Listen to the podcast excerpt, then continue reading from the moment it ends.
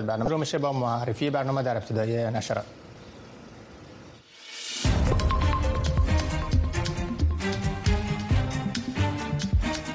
سرخط سه خبر مهم در برنامه امروز تلویزیون آشنا صدای آمریکا از واشنگتن. انتونی بلنکن وزیر خارجه ایالات متحده آمریکا با سفر امروز خود به چین اولین دیپلمات آمریکایی است که از چین در پنج سال گذشته در خلال روابط سرد بین دو کشور دیدن می کند. ولادیمیر پوتین رئیس جمهور روسیه در صحبت با رهبران کشورهای افریقایی طرح صلح خود را برای اوکراین ارائه کرد و بار دیگر کیف را متهم به رد پیشنهاد صلح کرد در حالی که اوکراین روسیه را در این باره متهم می کند. و یک دختر دانشجوی افغان در امریکا با ترسیم وضعیت زنان در افغانستان در قالب نقاشی در تلاش دادخواهی برای حقوق زنان در افغانستان است.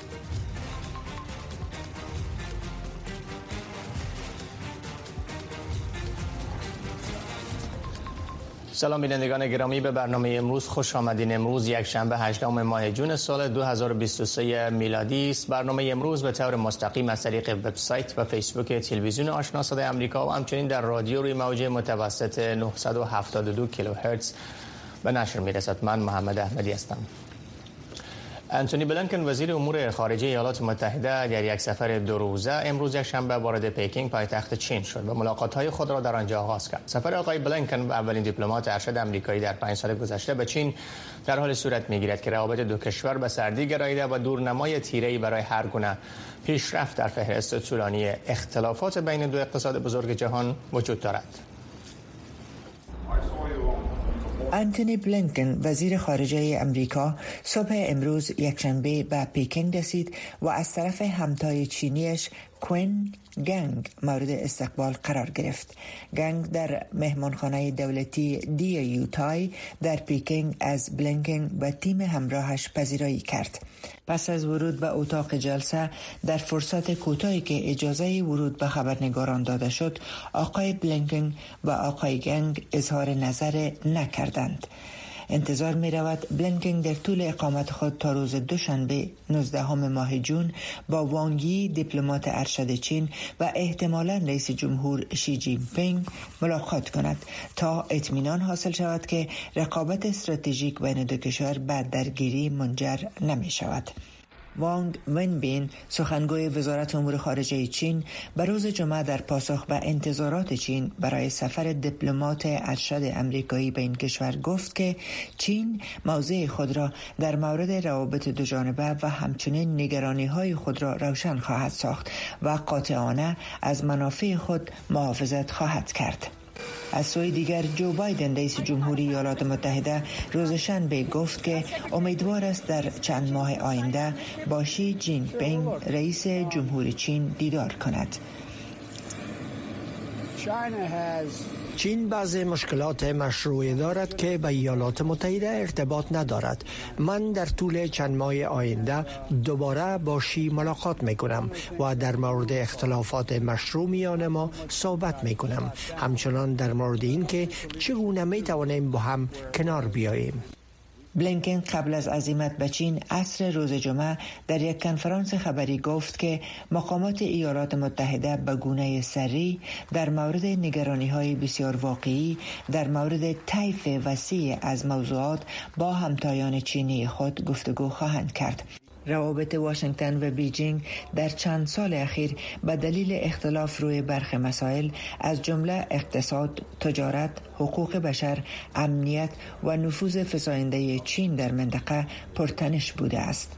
پس از سفر نانسی پلوسی رئیس پیشین مجلس نمایندگان ایالات متحده به تایوان که مایه خشم شدید چین شد بیجینگ تماس ها با مقام های امریکایی را در برخی زمینه ها به شمول مذاکرات تغییر اقلیم متوقف کرد. شورای چین برای ترویج تجارت بین المللی و اتاق تجارت بین المللی چین میزبان رهبران و مقام های تجارتی چین در یک نشست امروز سازمان همکاری های کشورهای آسیا و اقیانوس آرام است که موضوعاتی مثل دنبال کردن کیفیت بالا و توسعه پایدار را بحث می کنند. وانگشون معاون وزیر تجارت چین که همچنین نماینده تجارت بین چین است در سخنرانی خود در محفل گفت که چین به دنبال, به دنبال کردن آزادی تجارت سطح بالا و همتراز کردن تجارت با شرکای جهانی ادامه می دهد. او هم گفت که چین در حال پیوستن به توافق شراکت اقتصادی دیجیتال است که یک معاهده تجارتی برای تقویت تجارت دیجیتالی و ایجاد چهارچوکات اقتصاد دیجیتالی جهانی است. ولادیمیر پوتین رئیس جمهور روسیه سخنان رهبران کشورهای افریقایی را در جلسه برگزار شده در فنلند رد کرده گفت به باور او بسیاری از پیشنهادات آنها نادرست است. رهبران کشورهای افریقایی سنگال مصر زامبیا یوگاندا جمهوری کانگو کامرون و افریقای جنوبی برای میانجیگری در جنگ اوکراین و ارائه فهرستی از دلایل میانجیگریشان در این نشست شرکت داشتند. بعد از ارائه اظهارات رهبران کامرون سنگال و افریقای جنوبی پوتین قبل از اظهار نظرات سایر نمایندگان اشتراک کننده وارد شد و اظهار نظر خود را بیان کرد. او به آن هیئت کشورهای افریقایی گفت که بحث صادرات غلجات اوکراین که روسیه اجازه آن را سال گذشته در بنادر بهیره سیاه هیچ ربطی به تسهیل کردن مشکلات افریقا در بودن قیم در بلند بودن قیم مواد غذایی ندارد. زیرا به گفته پوتین آن کشورها ثروتمند هستند. پوتین گفت روسیه هیچگاهی گفتگو با جانب اوکراین را رد نکرده است بلکه این کیف است که گفتگوها را رد کرده است. روان مرتبط به داعش 37 تن را در یک حمله در مکتبی در غرب یوگاندا نزدیک سرحد جمهوری دموکراتیک کانگو کشتند و شش تن دیگر را اختطاف کردند. این مطلب را اردوی یوگاندا این کشور افریقایی امروز بیان داشت. یک سخنگوی وزارت دفاع یوگاندا در بیانیه گفت که پرسنل نظامی اجساد کششگان را هنگام ورودشان به مکتب یافت کردند. و گفته مقامات پلیس هشت تن دیگر در شفاخانه با جراحت شدید بعد از این حمله در یک مکتب متوسطه در منطقه امپوندی بستری هستند. به گفته اردو و پلیس یوگاندا شمار مهاجمین که تعدادشان پنج تن ذکر شده یک خوابگاه متعلمین را سوزانده و مواد غذایی آنجا را غارت کردند. اسرائیل و چین در طول بیش از سی سال روابط نزدیک را توضیح دادند اما فشار امریکا بر اسرائیل باعث شده تا این کشور از این رابطه نزدیک رابطه نزدیک عقب نشینی کند. لیندا گرادستاین خبرنگار صدای امریکا از بیت المقدس گزارشی را تهیه کرده است که شرح آن را فرخنده پیمانی به توجه میرساند. بهره برداری از بندر کشتیرانی که به تازگی توسط یکی از شرکت های چینی در شهر حیفای اسرائیل توسعه یافته است. یکی از پروژه های زیرساختی و مشترک چین و اسرائیل است که در سالهای اخیر راه شده است. شرکت های چینی همچنین در حال ساختن بخشی از سیستم ریل سریال سیر تل هستند. چین در حال حاضر بهترین زیرساخت های جهان را دارد. چین می تواند دانش و علم خود را به وسیله انجینیران و کارگرانش به کشورها انتقال دهد و اسرائیل از این بابت سود زیاده برده است. چین بعد از اتحادیه اروپا و ایالات متحده بزرگترین شریک تجاری اسرائیل است. اما اسرائیل مجبور شد تا برخی از توافقات اقتصادی خود با چین را بر اساس فشارهای از سوی ایالات متحده که روابط پرتنش با چین دارد محدود سازد. تحلیلگران اسرائیلی می‌گویند که اسرائیل با توجه به روابط نزدیکش با آمریکا انتخاب زیادی در اختیار ندارد. فشارهای روزافزون از سوی ایالات متحده بر اسرائیل برای محدود ساختن تعامل با چین و ویژه در بخش ساخت و ساز زیرساختها و فناوری وجود دارد و این فشارها نتایج را در این اواخر به دنبال داشته است. در حالی که مشارکت چین در شرق میانه عموماً بر تجارت متمرکز بوده است در این اواخر با میانجیگری برای اثرگیری روابط دیپلماتیک بین ایران و عربستان سعودی وارد عرصه سیاسی نیز شده است. روابط نزدیک چین با ایران و همچنین موقف سنتی طرفداری از فلسطین بسیاری از رهبران اسرائیل را نگران کرده است. اما برخی از تحلیلگران اسرائیلی می‌گویند تلاش های سیاسی چین می‌تواند به نفع کل منطقه باشد. بسیار یک موضوع نادر است که در شرق میانه کشور بزرگی را پیدا کرد که واقعا بیطرف باشد و درگیر موضوعات سیاسی نباشد. بدین معنی که نه طرفدار اسرائیل باشد نه طرفدار ایران نه طرفدار عربستان سعودی و نه هم طرفدار مصر. این فقط یک کشور بیطرف است که علاقمند به روابط اقتصادی با تمام بخش های پیچیده معادله شرق میانه است. آقای پاینیز می‌گوید چین ممکن تنها کشوری در جهان باشد که می‌تواند من حیث میانجی مورد اعتماد بین اسرائیل و دشمنش ایران واقع شود. فرخنده پیمانی تلویزیون آشنا صدای امریکا واشنگتن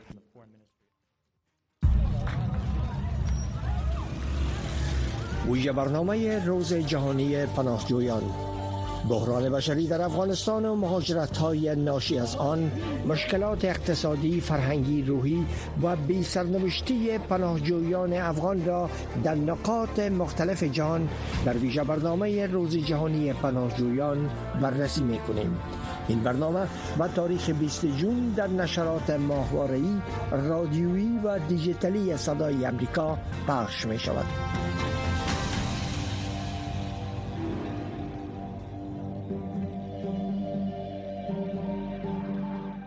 هیدر بار معاون بخش حقوق زنان در سازمان دیدبان حقوق بشر از زلمه خلیزاد نماینده ویژه سابق ایالات متحده آمریکا در امور صلح افغانستان انتقاد کرده است. هیدر بار شام گذشته در توییتر نوشت که در آن زمان موضوع آینده حقوق زنان افغان با خلیزات مطرح شده بود اما به گفته او خلیزات اهمیت این موضوع را نادیده گرفته آن را یک مسئله داخلی افغان ها خوان خانم بار با اشاره به خلیلزاد نوشته است که او در مورد نگرانی از این که امریکا علاقه خود را به حقوق زنان افغانستان از دست داده توضیحات قناعت بخشی را نکرده است. خلیلزاد تا به حال به این انتقاد خانم بار واکنش نشان نداده است.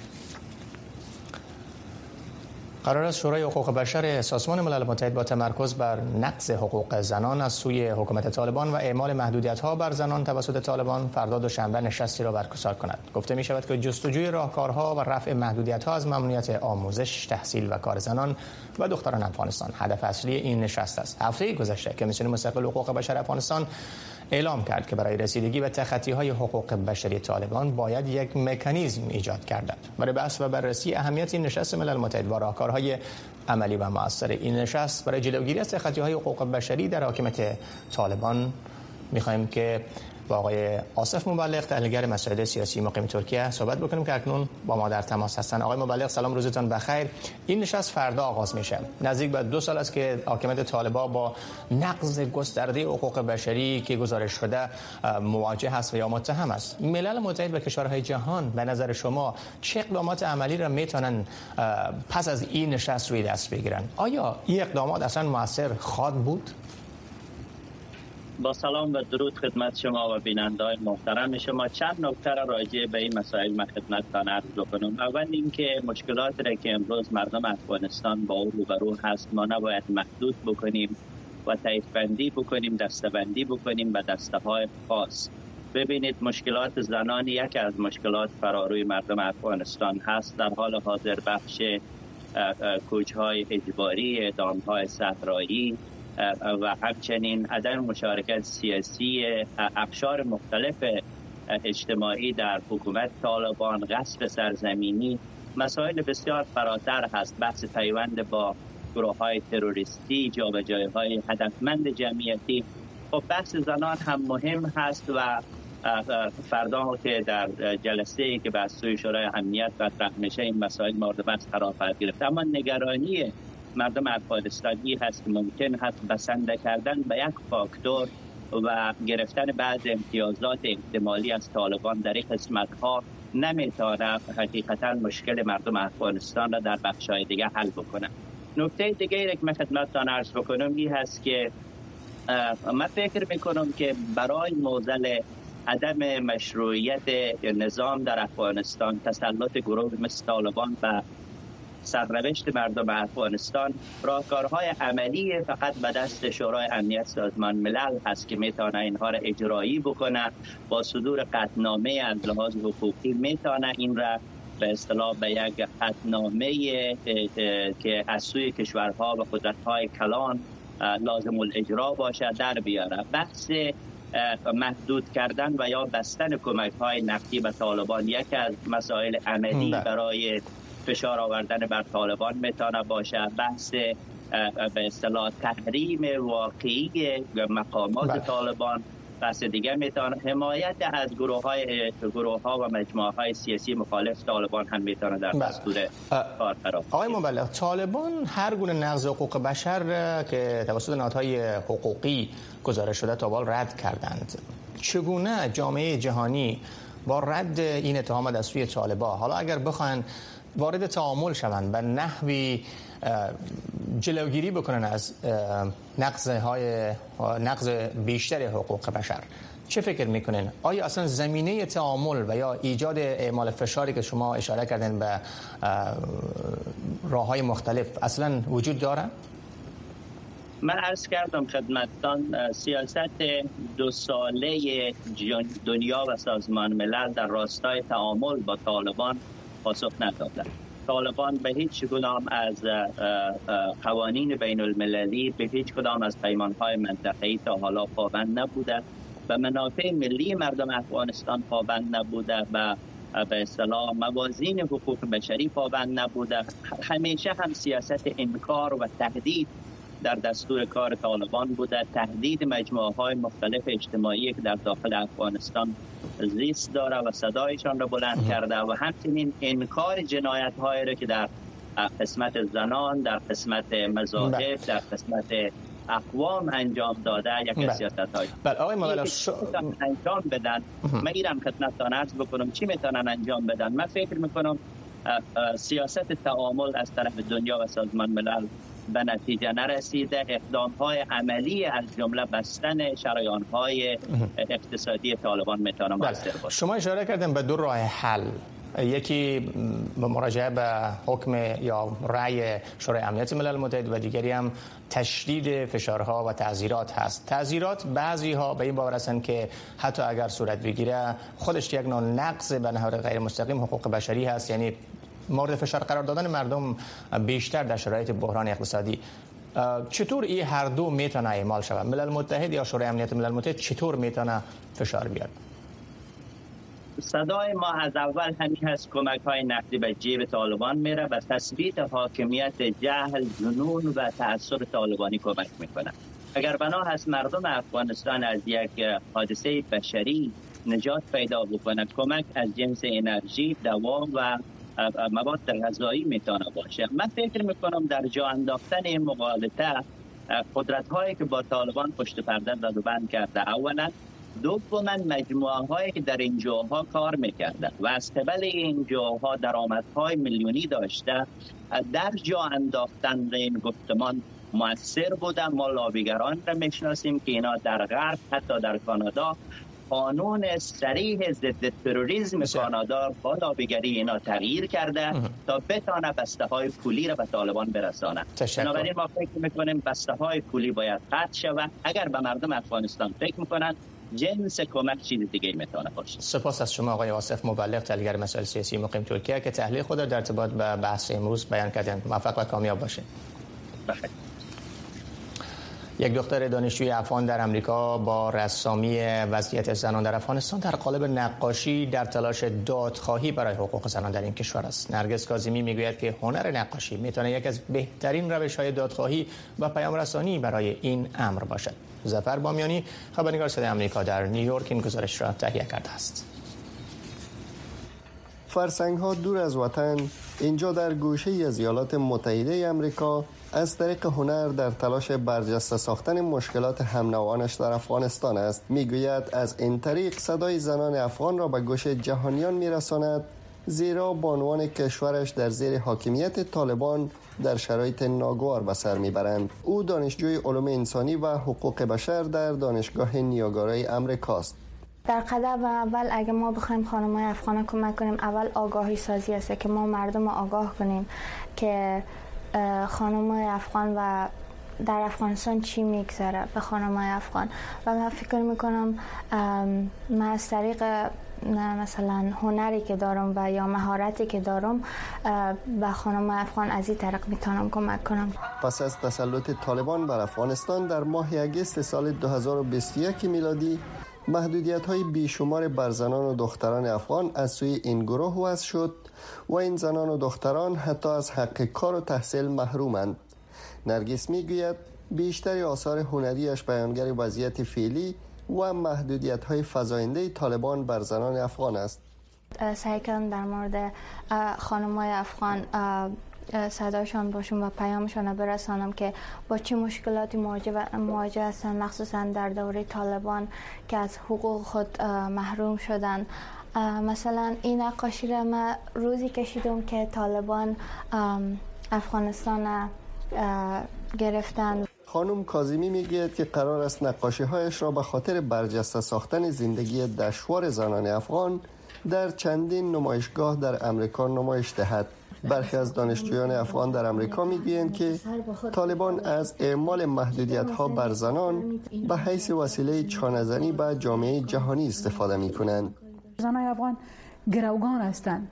نه فرهنگ است نه دین است اینا گروگان هستند. گروگان یک گروهی هستند که می‌خواین خود سر دنیا تحمیل بکنن. خود سر دنیا بشناسند این دانشجویان مهاجر افغان در امریکا از جامعه جهانی سازمان ملل متحد و ایالات متحده خواستار اعمال فشارهای بیشتر بر طالبان و دفاع از حقوق بشر در افغانستانند. اما مقام های حکومت طالبان همواره گفتند که برخورد آنان با زنان بر مبنای شریعت اسلامی بوده و هر گونه نقض حقوق زنان و دختران افغان را رد کردند. زفر بامیانی تلویزیون آشنا صدای امریکا نیویورک. در عصر و زمان تغییر که جهان نامطمئن به نظر می رسد و آنچه میشنویم منعکس کننده آنچه می بینیم نیست ما به دنبال حقیقت می براییم وقتی تنها بخشی از حقیقت و آنچه اتفاق افتاده به ما گفته می شود اعتماد از بین می رود رویاها آرزوها و خواهشاتمان برای یک فردای بهتر و مطبوعات آزاد بستگی دارد. در صدای امریکا ما روایتگر گزارش هایی هستیم که مردم برای دیدن آن خطر را متقبل می شوند ما در صدای امریکا جهان را با حقیقت به هم نزدیک و متحد می سازیم ما تصویر کامل حقیقت آنچه را که اتفاق افتاده به شما بازگو می‌کنیم. مسئولان محلی حکومت طالبان در ولایت هرات از آغاز روند جمع آوری زنان معتاد به مواد مخدر در این ولایت خبر داده می‌گویند که تا هنوز 20 معتاد را جمع آوری کردند. شماری از زنان جمع آوری شده می‌گویند که چندین بار مواد مخدرات ترک کرد اما به دلیل نداشتن سرپناه و خانواده دوباره به اعتیاد رو بردند. این زنان معتاد به مواد مخدر از نواحی مختلف شهر هرات جمعآوری و به مدیریت مبارزه با مواد مخدر آورده شدند. تا از اینجا به یک مرکز ترک اعتیاد زنانه به منظور درمان انتقال یابند. بیشتر این زنان شوهران خود را عامل رویاوریشان به اعتیاد می‌خوانند. الان می‌خوام ترک کنم امیدوارم که دیگه دوباره آغشته نشو امیدوارم اول چه که برمیگرده به خود تخم کشت کشت از این بعد تخمیه خدا کشت رو براندازه اول تا همین سه سال این بار دیگه ما خدمت بکنن ان که خدمت ما راضی باشه شوم از زیاد به سرم ظلم می‌کرد از بس که ظلم می‌کرد کسی هم نداشتن دیگه از مو خاطر ظلم ستم خیلی شوم به سرم می‌کرد دیگه چاره نداشتم این عمل بردشم نداشتن خانواده. بیشتر این زنان را مجبور ساخته که شب و روزشان را در کنار سرک ها و بر گورستان ها سپری کنند. تعدادشان بارها استعمال مواد مخدر را ترک کرده اما به دلیل نبود سرپناه دوباره معتاد شدند. دوست دارین ترک ولی شما صحبت بحث ترک ما میگین ترک کنی بعضی که بعد 45 روز میشه در وا می‌کنیم ما میریم ما کجا بریم بعد فکر اونجا هم بکنیم دوباره مجبور میشیم چون خونه ندارن سفر ندارن دوباره مجبور میشیم کنج خیابون همون کنج خیابون رفتن ما باعث میشه دوباره شروع کنیم در مرحله نخست 20 زن معتاد جمع شدند. مسئولان مدیریت مبارزه با مواد مخدر ولایت هرات می‌گویند آنان چهل بستر را به منظور درمان زنان معتاد در نظر گرفتند. هغه کسان چې به سرپناه دي او به کور او به ځای کسان دي څوک نه لري سرپرست نه لري دا کسان ته به موږ خاص یو ځای جوړو نو پر دې برابر ان شاء الله موږ خپل مشران سره خبره کړې ده خو اوس تر اوسه فعل حاله عملی سوی نه ده خو ان شاء الله وبسي بر بنیاد آمارها زنان و کودکان معتاد در ولایت هرات بیش از پنج هزار تن است که در تناسب بین آمار زنان معتاد جمعآوری شده ناچیز هستند. سید عارف قطالی تلویزیون آشنا صدای امریکا هرات. اداره انکشاف بین المللی ایالات متحده یا امریکا با همکاری دو دولت اوکراین یک اپلیکیشن را به خاطر برقرار کردن ارتباط اوکراینی ها با دولتشان ایجاد کرده. تا آنان بتوانند به خدمات عمومی دسترسی پیدا کنند. از این اپلیکیشن در کشورهای دیگر نیز استفاده می شود ارنا ماتیو چوک خبرنگار صدای آمریکا در این باره گزارشی را تهیه کرده است. سامنتا پاور مسئول اداره انکشاف بین المللی ایالات متحده یا USAID به تاریخ 23 ماه می در واشنگتن از اپلیکیشنی که با حمایت اداره او توسط دولت اوکراین ساخته شده است ستایش کرد. این اپلیکیشن به مردم اجازه می دهد تا با دولت های خود ارتباط برقرار کنند. با عنوان مثال در اوکراین اوکراینی ها آن را برای گزارش دادن سربازان روسی در میان خود و پرداخت مالیاتشان استفاده می کنند سامنتا پاور گفت اداره او به کشورهای دیگر در استفاده از اپلیکیشن دیا نیز کمک خواهد کرد. خوشحالم که اداره USAID با کشورهای چون کلمبیا، کاسوو و زامبیا در همه بخش ها از بهبود سیستم های فعلی آنها گرفته تا انکشاف خدمات دیجیتالی برای همه شهروندان همکاری خواهد کرد.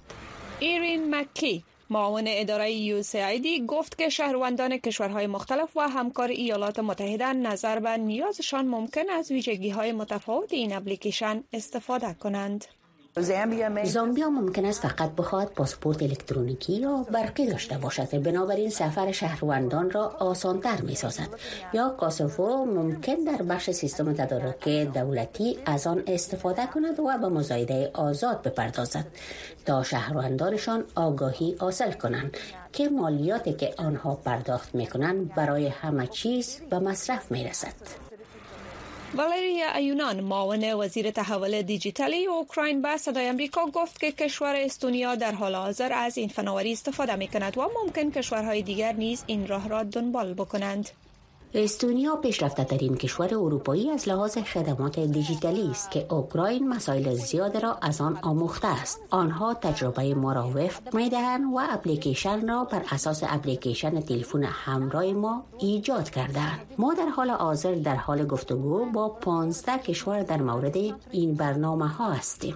اداره انکشاف بین المللی ایالات متحده می‌گوید که اپلیکیشن دیا به شهروندان کمک می کند تا راحت تر به دولت خود وصل شوند و به مسون بودن این برنامه باور کامل دارند. اطلاعات مردم در حال حاضر به شکل دیجیتالی در سطح جهانی قرار دارد به شمول ایالات متحده آنچه مهم است تقسیم و محافظت از آن اطلاعات و معلومات است. بنابراین حتی اگر معلومات شما حک شود آنها فقط می توانند به یک قسمت از معلومات شما دسترسی پیدا کنند و نمی توانند آسیب زیاد به زیرساخت های حیاتی و اطلاعات شخصی شما وارد کنند. مکی همچنان تشریح کرد که چگونه توسط اپلیکیشن دیا اداره توسعه بین المللی ایالات متحده می تواند به روش های مختلف به اوکراین کمک کند. ما در حال گسترش هستیم هم در بخش پاسخگویی و شفافیت اپلیکیشن دیا و هم در بخش کمک به تسریع بخشیدن پروسه الحاق به اتحادیه اروپا به ویژه در عرصه مبارزه با فساد اداری و اصلاحات اداری.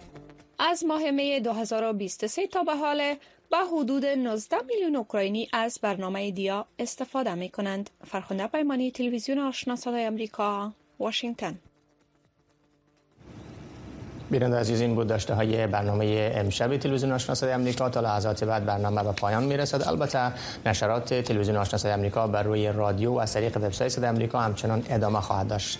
با ما همراه باشین. البته خبرها و گزارش ها را می‌تونید با مراجعه به وبسایت و فیسبوک گزارش هایی که نشر شده را دنبال بکنید و بعضی از اونها را می‌تونید دوباره ببینید. موفق و کامیاب باشین. روزتان بخیر.